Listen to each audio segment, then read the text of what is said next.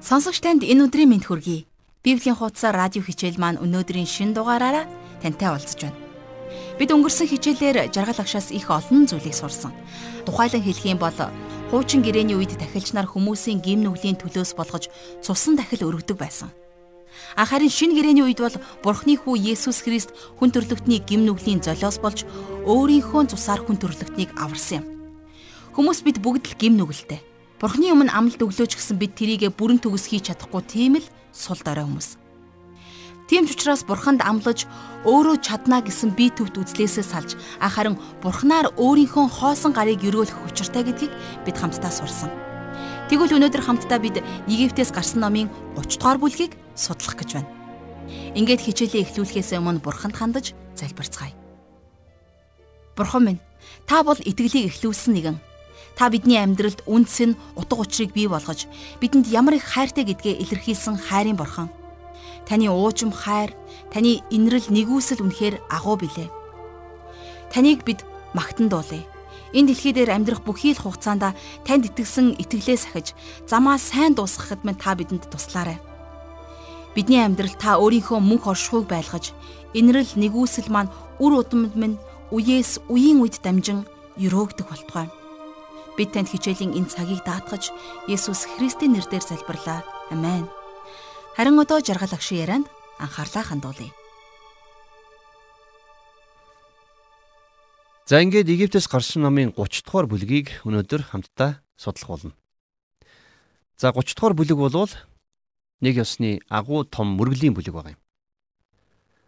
За асрын эхний хэсэг болох ариун газарт гурван хэсэг тавилга байдаг тухай бид нар өмнө уншиж танилцсан. За эдгээр тавилганууд бүгдээрээ хүндэтгэл мөрөглийг илэрхийлж байсан. За тэнд өөр нэгэн тахилын ширээ байсан нь утлаг уугуулах тахилын ширээ байсан.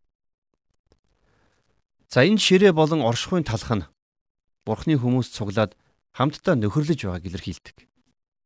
Өөрөөр хэлэх юм бол тэр утлаг уугуулах тахилын ширээ бол залбирлын газар юм. За тэгэхээр энэ ширээн яг ямар байх тухай зааварчилгаа нь бидний өнөөдрийн үзэх Египтээс гарсан номын 30 дугаар бүлгийн 1-ээс 2 дугаар эшлэлдэр байдаг. За ингээд Египтээс гарсан номын 30 дугаар бүлгийн 1-ээс 2 дугаар эшлэлийг харцгаая. Цаашилбал чи хуайс модоор утлаг уугуулах газар болгон тахилын ширээг хийгдэв. Түүний урт нь нэг тохой, өргөн нь нэг тохой дөрвөлжин бөгөөд Өндөр нь хоёр тохой ба эврүүд нь түүнтэй нэгдмэл байна гэсэн байна. За энэ хүү зааварчилгаанаас харах юм бол энэ нь нэг жижиг тахилын ширээ байсан гэдгийг бидэнд хэлж байна. За цааш нь харъя 3-4 дугаар эшлэл дээр. Уг тахилын ширээг буюу түүний оройг нь бүх хажуу талуудыг нь тойруулан эврүүдийг нь шижир алтаар бүрхтэн. Чи бүхэлд нь тойруулан алтан эмжээр хий. Түүний имжээрийн доор хоёр алтан цаграг үлд. Ингэхдээ хоёр эсрэг талын хананд нь хийж тахилын ширээг зөөх дамнуургыг тэдгэрт шургуул. За тэгэхээр тахилын ширээний энэ жижигхэн хэсэг хүртэл цаграгуудтай байсан байна. За тэгснэр хөндлөвч моднуудыг хийж тахилчийн мөрөн дээр өргөж явах зорилттой байсан. Тэгэхээр хуучин гэрээний тооллого номонд цөлийн аялалд тахилч нар тавилгуудыг үүрч явсан гэдгийг бидэнд давхар хэлдэг. За 6 дугаар ишлээс харцгаая. Энэ тахилын ширээ гэрчлэлийн авдрын ойролцоох хөшгөний өмнө буюу миний чамтай уулзах газар болох гэрчлэлийн авдрын дээрх өршөөлийн суудлын өмнө талд тавь гэсэн байна. За тэгэхээр энэ тахилын ширээг хөшгөний яг хажууд нь тавьж харин авдар өршөөлийн суудал нь хөшгөний нөгөө талд нь байх ёстой байсан. За энэ нь ариун газар буюу хүндэтгэл мөргөлийн газарт байсан. За 7-оос 9 дугаар ишлэлдэр Аарон түүн дээр анхлуун утлагыг уугуулна. Өглөө бүр дэнлүүнүүдийг асаахтаа тэр түүнийг уугуулах ёстой. Аарон үдшийн бүрийгээр дэнлүүнүүдийг асаахтаа утлагыг уугуулна. Үеийн үед эзний өмнө мөнхийн утлаг байх ёстой. Чи энэхүү тахлын ширээн дээр ёс бус удлаг, шатаалт дахил эсвэл эдийн өргөлүүдийг бүү өрг. Түүн дээр ундаан өргөлийг бүү асах гэсэн байна. За тэгэхээр зөвхөн тодорхой төрлийн удалгал энэ тахилын ширээн дээр байрлуулах ёстой байсан. Тахилч нар дотогшоо ороод утлагыг уугуулan дэнлүүний суурийн гэрлийг асах ёстой. Тэгэхээр Библийн олон хэсгүүдэд утлагыг залбирал ба магтаалын нэгэн бэлэг тэмдэгэ гэж бидэнд хэлдэг. Тиймээс энэхүү тахилын ширээн залбирлыг илтгэдэг байсан юм. За энэ тухай Давид хаан өөрийнхөө дуулал номын 141-ийн 2 дээр Миний залбирал таны өмнө утлаг адил тоологдог гэж бичсэн байдаг. За мөн Библийн хамгийн сүүлчийн ном болох Илчлэлт номон дээр энэхүү утлагын дүр зургийн тухай. За тухайлах юм бол 8 дугаар бүлгийн 3 дугаар эшлэлдэр Алтан бойпор барьсан өөр нэгэн тэнгэр илж ирж тахилын ширээний дэргэд зогсов. Түүнд их хэмжээний утлаг өгөгдөжээ. Ингэснээр тэр тэнгэрэлж түүнийг сентийн өмнө байсан тахилын алтан ширээн дээр бүх ариун хүний залбирлуудтай хамт өргөх ажээ гэж бичсэн байдаг. За мөн түнчлэн Лукийн сайн мэдээ номын 1-р бүлгийн 9-р ишлэлдэр тагилчийн ёслолын заншлаар шодоход эзний сүмд орж утлаг уугуулах үүрэг түүнд таарсан байна гэж бас тэмдэглэн бичсэн байна. За саяын миний уншсан ишлэл гарч байгаа энэ хүн болвол Зихрая гэж хүн байсан. Тэрээр Леви овгийн нэгэн гишүүн байсан юм. Тэгээд тэрээр сүмд үйлчлдэг байсан. Тэр энэ ишлийн дагуу утлаг ууглах тахилын ширээн дээр үйлчилж байсан байна. За эмч Лук шин гэрээг он цагийн дарааллаар Захараяг утлаг ууглах тахилын ширээнд байх үеэр эхлүүлдэг. Өөрөөр хэлэх юм бол Бурхан 400 жилийн дараа Захараяг утлаг уугуулж байхад нь өөрийнхөө үгийг хэлсэн байдаг. За тийм болохоор утлаг болвол бидний зуучлагч эзэн Есүс Христийн нэгэн дүр зураг байгаа юм. Аарон хүндэтгэл мөргөлийн газарт үйлжилж байсан. Энэ утгаараа Ааронч бас Христийн бас нэгэн дүр зураг болж байдаг. Утлаг уугуулах тахлын ширээг ариунаас ариун газар тавьсан байна. За энэ нь Еврей номын зохиолч үүнийг хаан байдгийг нь мдээгүй юм шиг харагддаг. Яагаад тэрээр энийг Египтээс гарсан номон дээрх шиг ариун газарт байлгахаас илүү ариунаас ариун газарт байгаа гэж бичсэн юм бэ? Яагаад гэвэл түүнийг бичих үед хөшиг хоёр хуваагдчихсан байсан. Христ өөрийгөө аль хэдийнэ тэнд өргөл болгон өргөсөн байсан. Түүний махан бие төлөөс болж Есүс загалмай дээр нас орсон юм. Гэхдээ тэр үхлээс амьлаад Тэнгэр өөд дээш гарсан. Тэгэхээр утлаг өргөх тахлын ширээ өнөөдөр Тэнгэрт байдгаа гэсэн үг. Тиймээс бид нар зөвхөн Есүс Христээр л дамжин Бурханд хүрэх боломжтой. Ингээд бодохоор Есүс Христ бидний агуу зуучлагч байгаа юм. Бид нэр залбирал дотор Бурхан руу ирэх үед эзэн Есүс Христээр дамжин ирэх ёстой байдаг. За тийм ч учраас бид нар залбирлынхаа төгсгөлд Есүсийн нэрээр залбирлаа гэж хэлдэг шүү дээ. Одоо би аврагдсан. Би Бурхан руу шууд очиж чаднаа гэж олон хүмүүс ярихыг би сонсч байсан. Үгүй ээ бид нар үнэндээ чадахгүй. Харин зөвхөн Бурхан руу бид нар Христээр л дамжин очино. Тэр биднийг Бурханы оршихуй руу авчирдаг нэгэн. Христ Тэнгэрт бидний төлөө залбирч байдаг. Израилийн хүүхдүүдийн хувьд тэрүүн тахилч нь асарт утлагын тахилын ширээний дэргэд тэдний төлөө залбирч байгааг мэдэх гайхамшигтай байсан. Харин өнөөдрийн та бидний хувьд бидний хамгийн агуу тэрүүн тахилч болох Есүс Христ бидний төлөө байнга залбирч байгааг мэдэх нь үнэхээр гайхалтай байдаг юм. Христ энэ дэлхийн төлөө залбирдаггүй. Тэр өөрийнхөө тэрүүн тахилчийн залбиралдаа тэр тэдний төлөө би гуйж байна. Би ертөнцийн төлөө биш харин таны надад өгсөн хүмүүсийн төлөө гуйж байна. Учир нь тэд таних билээ гэж Иохны сайн мэдээ номын 17-гийн 9-дэр бичигдэж үлдсэн залбиралдаа багтаасан байдаг. Тэр яагаад дэлхийн төлөө залбирдгүй вэ гэж та гайхаж байна уу?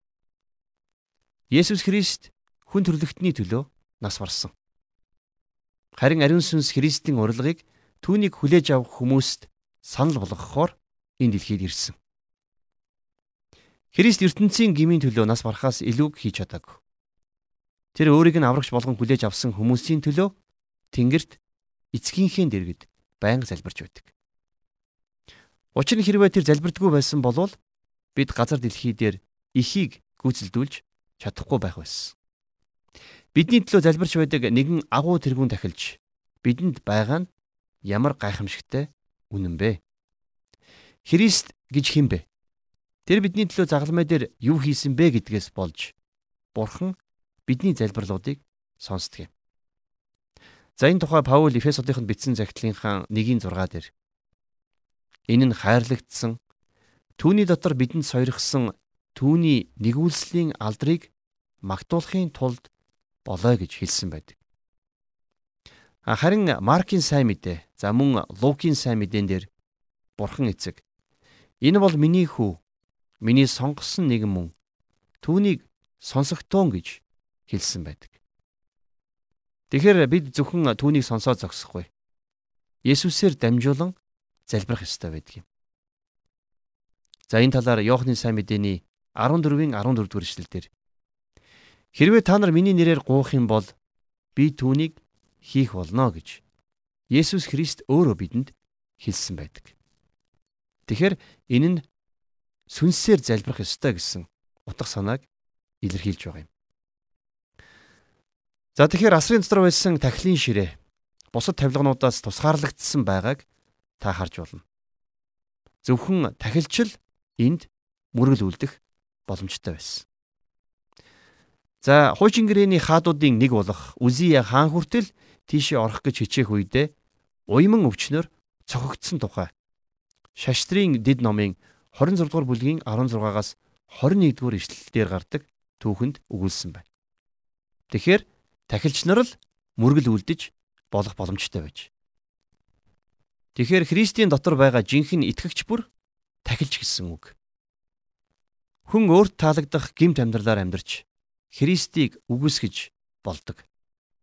Тэгэд асуудал ирэх үед магадгүй ээж нь эмлэгт байгаа бол тэр олиггүй хүн бурхны өмнө өвдөг сөгдөөд хариулт хүлээж болно гэх санаа өнөөдөр түгээмэл байна.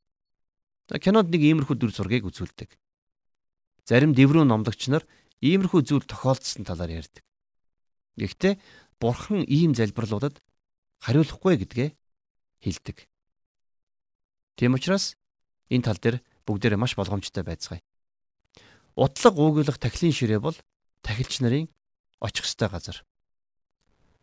Тийм учраас гим нүгэлтэй хүний залбирч болох ганц залбирал бол Бурхан минь ээ гимтээ намайг өршөөгөөч ээ гэсэн үгс баг юм.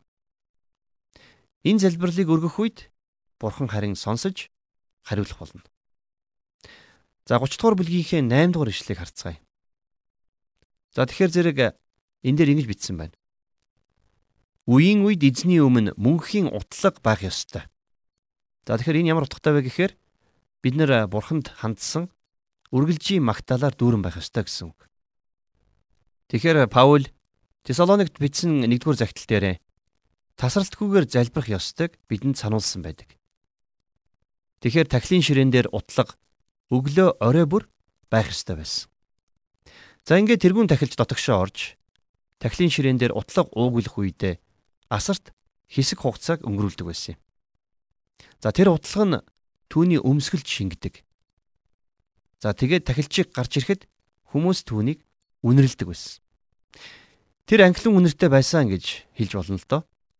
Тэрүүн тахилж хажуугаар өнгөрөхөд хүмүүс тэр ангиллун үнрийг үнэртдэг байсан байна. Тэд нэр тэр сайхан үнэртэхгүй байна гэж юу гэж хэлдэг байсан баг. За тэгвэл өнөөдөр ихэнх ариун хүмүүсийн хувьд тэд нэр брендийн үнэртэй ус төрөгдөггүй. Харин жинхэнэ үнэртэй ус болвол тэдний залбирал байгаа юм. Та бидний залбирал бурхны өмнө сайхан үнэртэй утлаг мэд байх болно гэсэн үг. Хэрвээ бид нар залбиралд цагаа зарцуулдаг бол энэ нь бидний өмсгөлд буюу бидний амьдралаас үнэртэх юм. За үргэлжлүүлээд Египтээс гарсан номынхон 30 дугаар бүлгийн 12-оос 13 дугаар ишлэлийг харцгаая. Чи Израилийн хүүгүүдийг тоолохоор тооллого хийх үед хүн бүр өөрийнхөө төлөө золиосыг эзэнд өргөх ёстой. Энэ нь тэднийг чи тоолох үед тэдний дунд ямар ч гам шиг байлгахгүй тулд юм.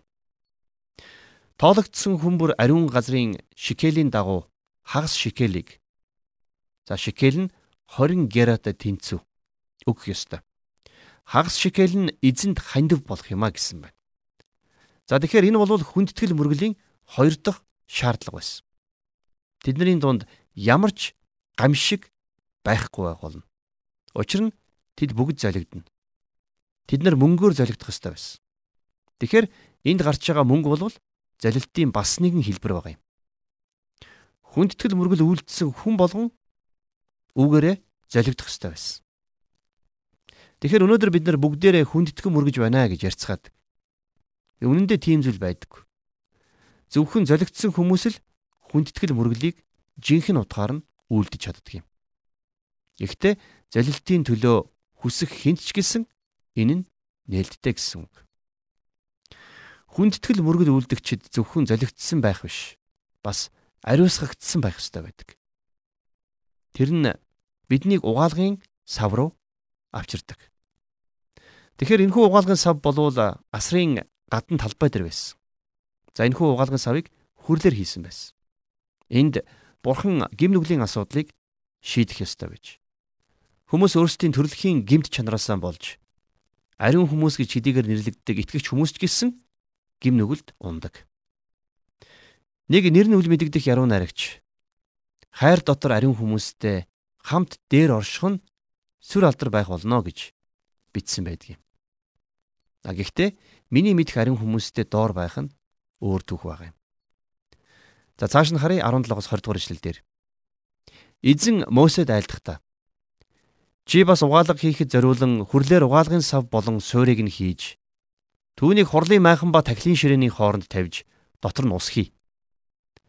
Аарон болон түүний хүүгүүд гар хөлөө тэр савнаас угааг.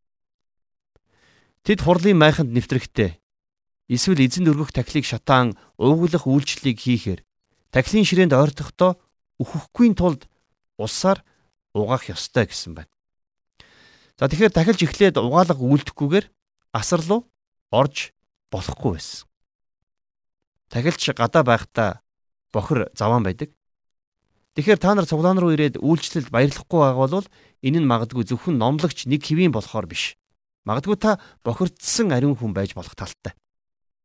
Нэг хэвийн номлогч бохирдсан ариун хүн нийлвэл сэтгэл хөдлөм үйлчлэлтэй хизээч болж чадахгүй. Бид нар энэ дэлхийд бохирддаг. Тэгээд бид нар угаагдах хүртлээр хүндэтгэл мөрөглийг үйлдэж чаддгүй. Тийм учраас эзэн өөрийнхөө дагалдагч нарын хөлийг угаасан. Бид угаалгын сав руу очих хэрэгтэй. Дахиж хүний хувьд хамгийн түрүүнд хийсэн зүйл бол энэ. Хэрвээ тэд нар ариун газар руу орох гэж байсан бол тэд дотогш орхолсон өмнө угаагаад тэгээд ордог байж. Угаалга үйлдэх нь маш чухлаа гэж би үздэг. Та үнийг төсөөлөд үзтээ. Угаалгын савны хажууд нэг тахилч нөгөөдөө. Чи өнөөдөр энд хэдэн удаа ирсэн бэ? Гэж асуухад нөгөө тахилч нь бараг 10 гаруй удаа ирсэн гэж хариулж болох юм. Эхний тахилч би энд 10 гаруй удаа байсан. Миний гарыг хараач сав суулга угаадаг гар шиг л байна. Яагад гэвэл би маш их угаасан. Бурхан яагаад энийг байнга хийхийг биднээс хүсдэг юм болоо гэж би гайхаж байна гэж хэлж болох юм. За энэ хоёр тахилчийг ингэж ярьж байхад нь Аарон ойр хавьд нь байж байгаад Хэрвээ та нар угаах юм бол түүнд хүндэтгэл мөрөглийг үйлдэх боломжтой болно гэж зөвлөж байна гэж бүгдээрээ төсөөлцгөөе. Тэгэхээр бохирлогдсон ариун хүмүүс бурханд үйлчилж болно гэдэг санаа зүгээр л худлаа. За бурханд үйлчилдэг ямар нэгэн эрэгтэй хүн эмэгтэй хүнтэй холбогдсон гэдгийг сонсоод бурхны төлөө агуу ажлыг хийдэг хүнд яаж ийм юм тохиолддог байна гэж зарим хүмүүс боддог. Тэр хүн номлогч эсвэл Христ итгэгч нэгэн аятайхан хүн байж болох юм. Гэхдээ хэрвээ та тэрний ажлыг шалгах юм бол тэр нь мод өвс сүрлээс өөр юу ч байхгүй байгааг та мэдэх болно.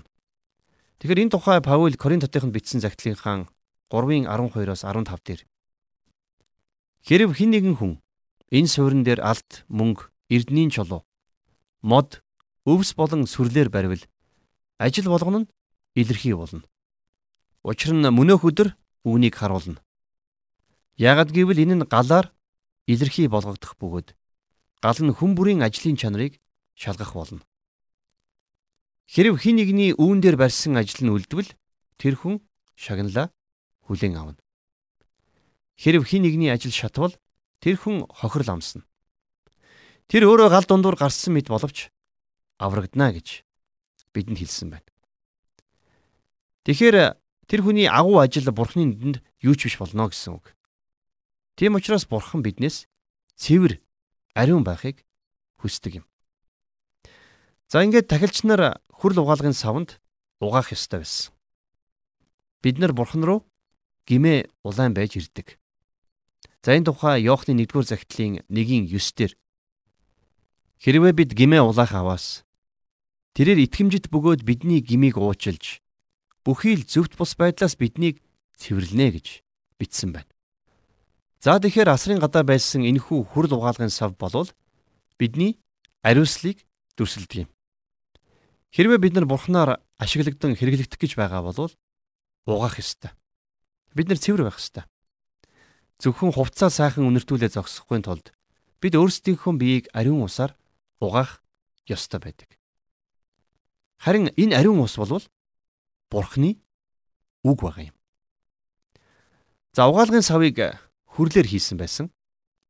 Угаалгын савыг хийхийн тулд эмэгтэйчүүд дээд зэргээр өнгөлсөн хүрэл толинуудыг авчирсан. Тэгэхэд тэдэнд шилэн толь гэж байгаагүй. За толь болвол хүний альва бохир завааныг илчилж байдаг. Тэр бол угаалгын савны зорилго байсан юм. Угаалгын сав тахилчийг цэвэрлдэг байсан. Тиймээс ч тэр угаалгын сав бурхны үгийг дүрсэлдэг юм. За Библи бол нэгэн төрлийн толь. Бид нэр Библи рүү харахад бидний гим нүгэл илчлэгддэг. За тэгээд бид тэр гимээ улааж цэвэрлэх хэрэгтэй гэдгээ ойлгодог юм. Тэгэхээр одоо та гим нүглээ улаахын тулд Есүс Христ рүү хувьчлан очих боломжтой. Тэр гайхамшигтай угаалгын сав тэнгэрт байгааг та санаарай. Тэгэхээр ням гаргийн цуглаан руугаа очихоос өмнө бид нар 7 хоногийнхоо гмийг улаах ёстой гэж би боддог. Би хизээч бохирддгүй гэж та бити хэлээрэй. Бидний нүд бохирддог. Бидний оюун санаа ч гэсэн бохирддог. Бас гар, хөл маань бохирддог. Бид нар бүхэлдээ бохирддог. Тэгэхээр өнөөдөр манай цуглаанууд дахь том асуудлуудын нэг бол хитрхи их сүнслэг байдал байгаа юм.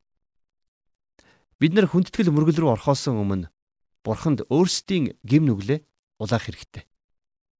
За ингэж цэвэрлэгдсэн зүрх сэтгэл чин хүслээс хүндэтгэл мөргөл бурханд очдөг юм. За 27 дугаар ишлэгийг харцгаая. Эдгээрээр чи сүрчиг найруулагчдын бүтээгдэхүүн болох сүрчигний хольц буюу ариун тослох тосыг хийгтэн.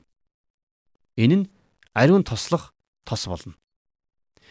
Үүгээр чи хурлын майхан хийгээд гэрчлэлийн авдрыг тосол мөн ширээ ба түүний бүх хэрэгсэл. За тэгэхээр энэ төр зогсъё. За өнөөдөр тэгвэл бидний хувьд энэхүү тослогоо нь яг юуг илэрхийлж байдаг вэ?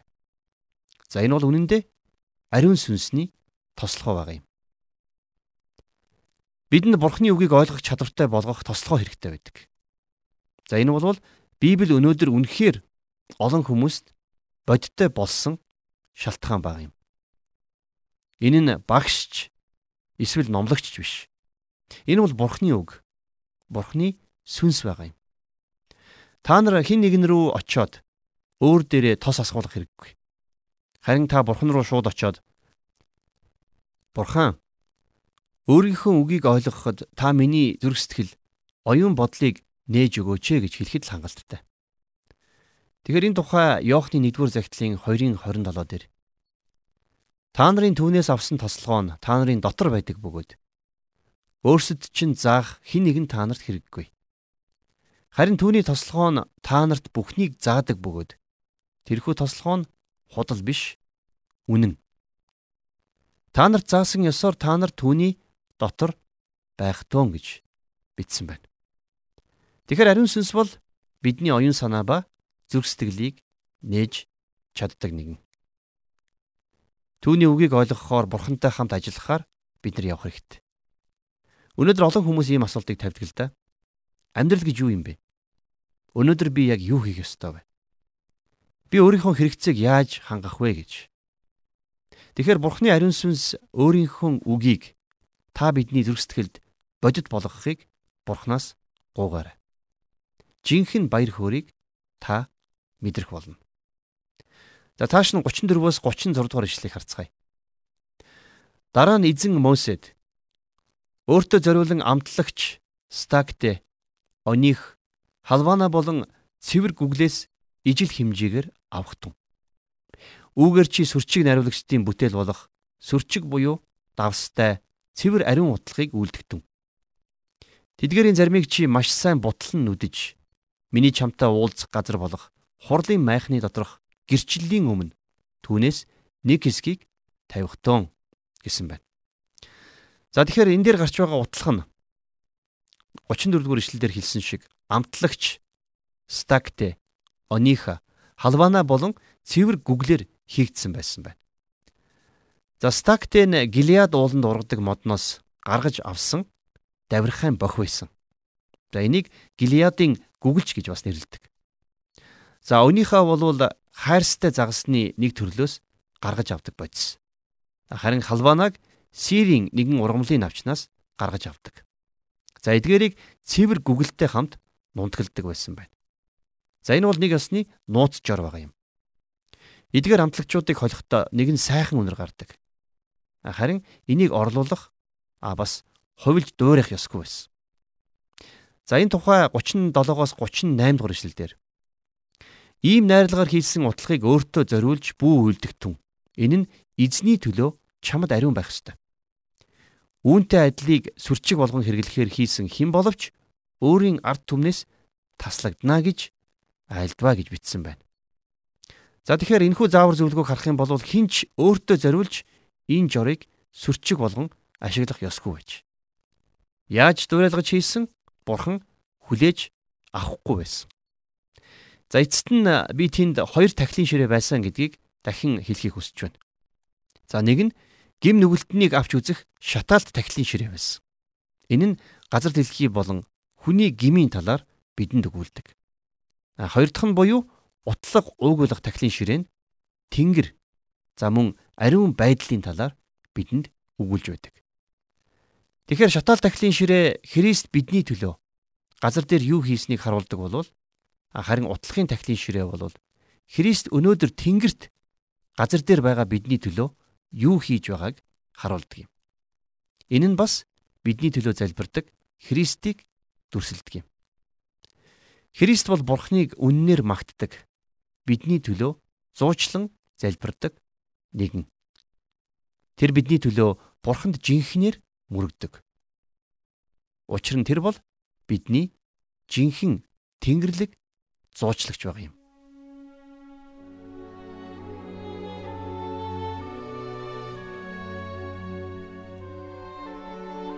Тэгэхээр өнөөдрийн хичээлээс бид их олон зүйлийг сурлаа. Утлах нь бидний зуучлагч эзэн Есүс Христийн нэгэн дүр юм байна. Аарон хүндэтгэл мөрөглийн газарт үйлчилж байсан. А энэ утгаараа Ааронч бас Христийн нэг дүр болж байгаа гэдгийг харлаа шүү дээ. Тэгэхээр утлаг уугуулах дахлын ширээг ариунаас ариун газарт тавьсан. Ариунаас ариун газарт бид бурханд хандан залбирч бас бурхны хүмүүстэй нэг сүнс дотор бурхныг магтах хэрэгтэй. Учир нь бурхан бол магтагдах зохистой нэгэн гэдгийг ойлгож мэдлээ. Ингээд өнөөдрийн хичээлийн төгсгөлд бурханд хандаж хамтдаа залбирцгаая.